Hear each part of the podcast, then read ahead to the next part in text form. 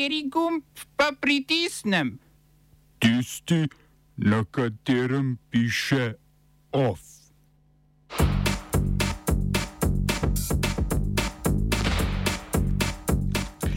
Vojna v Ukrajini, dogovor o devetih humanitarnih koridorjih. Afganistansko ministrstvo za izobraževanje vlade dekletom zaprlo šolska vrata. Milorad Dudik o prihodu na tožilstvo novinarjem pokazal sredinec. Sindikat poštnih delavcev Slovenije s pozivom k spremembam zakona o poštnih storitvah. V kulturnih novicah kultura na kavici.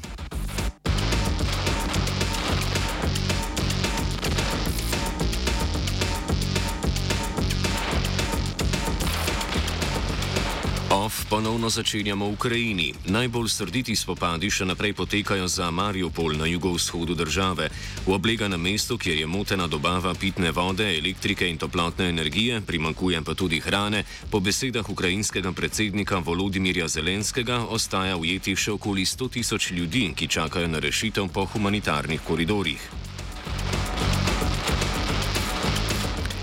Dogovor o njih naj bi ruska stran večkrat prekršila. Podpredsednica ukrajinske vlade Irina Vereščuk je rusko vojsko obtožila, da je zajela 11 voznikov avtobusov in 4 humanitarne delavce, ki so bili na poti v Mariupol.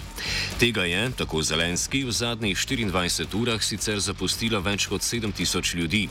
Zauzetje Mariupola je za rusko vojsko strateškega pomena, saj bi tako ustvarila kopenski most med zauzetim Donbasom in priključenim Krimskim polotokom.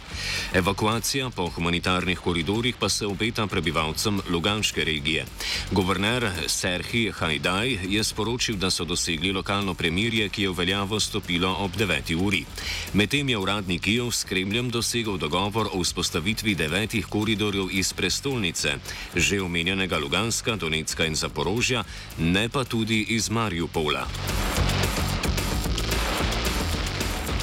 Kot so zatrdili v ukrajinskem generalštabu, je vojski uspelo ustaviti napredovanje ruskih vojaških enot na več frontah, med drugim pri Mikolajevemu na jugu, nekaj več kot 100 km zračne linije od Odese, ki je bila v začetku tedna prvič tarča napadov.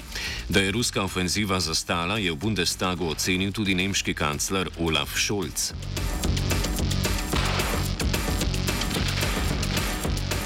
Poslanci Ruske dume so sprejeli zakon, ki zaostruje zakonodajo o širjenju domnevno lažnih novic o ruski vojski. Zakon, ki ga mora potrditi še zgornji dom parlamenta in podpisati predsednik Vladimir Putin, predvideva visoke denarne in zaporne kazni, tudi do 15 let, za informacije o delovanju ruskih državnih organov v tujini, ki jih oblast označuje za lažne. Ker pa za tujega agenta niso označili nevladne organizacije, o kateri so poročali, kot to določa zakon, so pri časniku Nova Gazeta dobili uradno opozorilo Zvezdne službe za nadzor komunikacij in informacijske tehnologije Roskom nadzor. Nova Gazeta je praktično še zadnji delujoči neodvisni medij v Rusiji. Sodišče lahko njegovo delovanje prepove, če bo v letu dni dobil še eno uradno opozorilo. Poljska je zaradi domnevnega vohunjanja izgnala 45 ruskih diplomatov, je naznanil notranji minister Marijuš Kaminski. Ozemlje Poljske mora zapustiti najkasneje v petih dneh. Veleposlaništvo v prestolnici Varšavi, ki ga vodi ruski veleposlanik Sergej Andrejev, ostaja odprto. V Nemški zvezdni agenciji za omrežja, ki je pristojna tudi za nadzor energetske infrastrukture, so potrdili, da s predstavniki gospodarstva potekajo pogovori o možnih neizogibnih zaustavitvah tovaren, če bi prišlo do pomankanja energentov. Predsednik agencije Klaus Miller je v izjavi za javnost povdaril, da se pripravljajo na scenarij, za katerega upajo, da se ne bo nikoli zgodil. V skladu z nemško zakonodajo imajo podjetja, ki so del kritične infrastrukture za proizvodnjo osnovnih dobrin oziroma zagotavljanje osnovnih poštnih storitev skupaj z gospodinstvi v primeru izrednih razmer prednost pri dobavi energentov. Velike korporacije v jeklarski, avtomobilski in drugih industrijah bi bile v primeru uvedbe redukcij tako primorane močno zmanjšati svojo porabo ter s tem omejiti proizvodnjo. Evropska komisija pripravlja zakonodajo, ki od vsake države članice zahteva, da vsako leto do 1. oktobra zapolni 90 odstotkov razpoložljivih skladišč.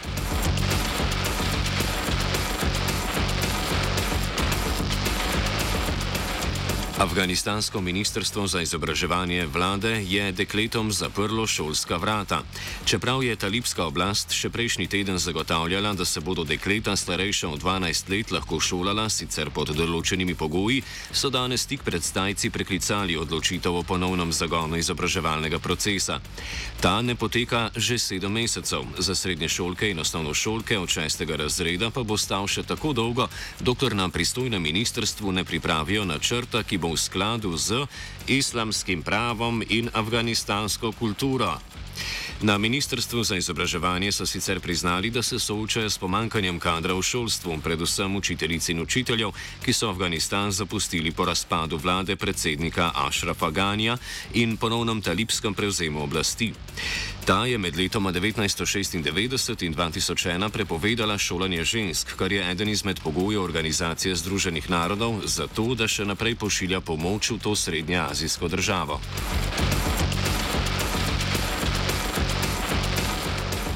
Srbski član predsedstva Bosne in Hercegovine Milorad Dodik je ponovno uprizoril medijski šov.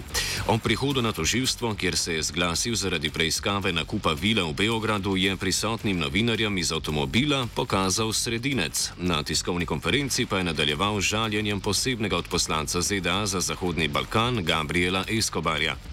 Zan in američane je Dudik dejal, da nemajo pojma. Za iztegnjeni sredinec pa je pojasnil, da je bil namenjen posebej za televizi televizijo BN in časnik Dnevni Avaz, ki poročata o aferi. Toživstvo Dodika namreč preizkuje, ker je leta 2007 na Dedinju kupil vilo vredno skoraj 845 tisoč evrov. Plačal naj bi jo z denarjem neznanega izvora, kar je poskušal prikriti s posojilom, ki ga je leto zatem dobil pri zasebni banki. Pavlović, katerega lastnika Slobodana Pavloviča so oblasti leta 2016, ko so uvedle preiskavo, aretirale zaradi suma več kaznjivih dejanj, med njimi tudi pranja denarja in poneverbe. Dodik preiskavo označuje za politični proces, ki da ga vodijo pod neposrednim vplivom zahodnih veleposlaništv v BiH in v sodelovanju z mediji blizu opoziciji. Oba, če, če bom odgovoril na angliški. Slovenija will try to help. Uh, we can. Slovenija will. Uh, and we will do our utmost to say that the situation is our problem ourselves. And uh, we will uh, make further steps as soon as the conditions are. Bomo vlado Marjana Cererera Šarca podprli. Very, very serious. News from Slovenia. We know how and we will.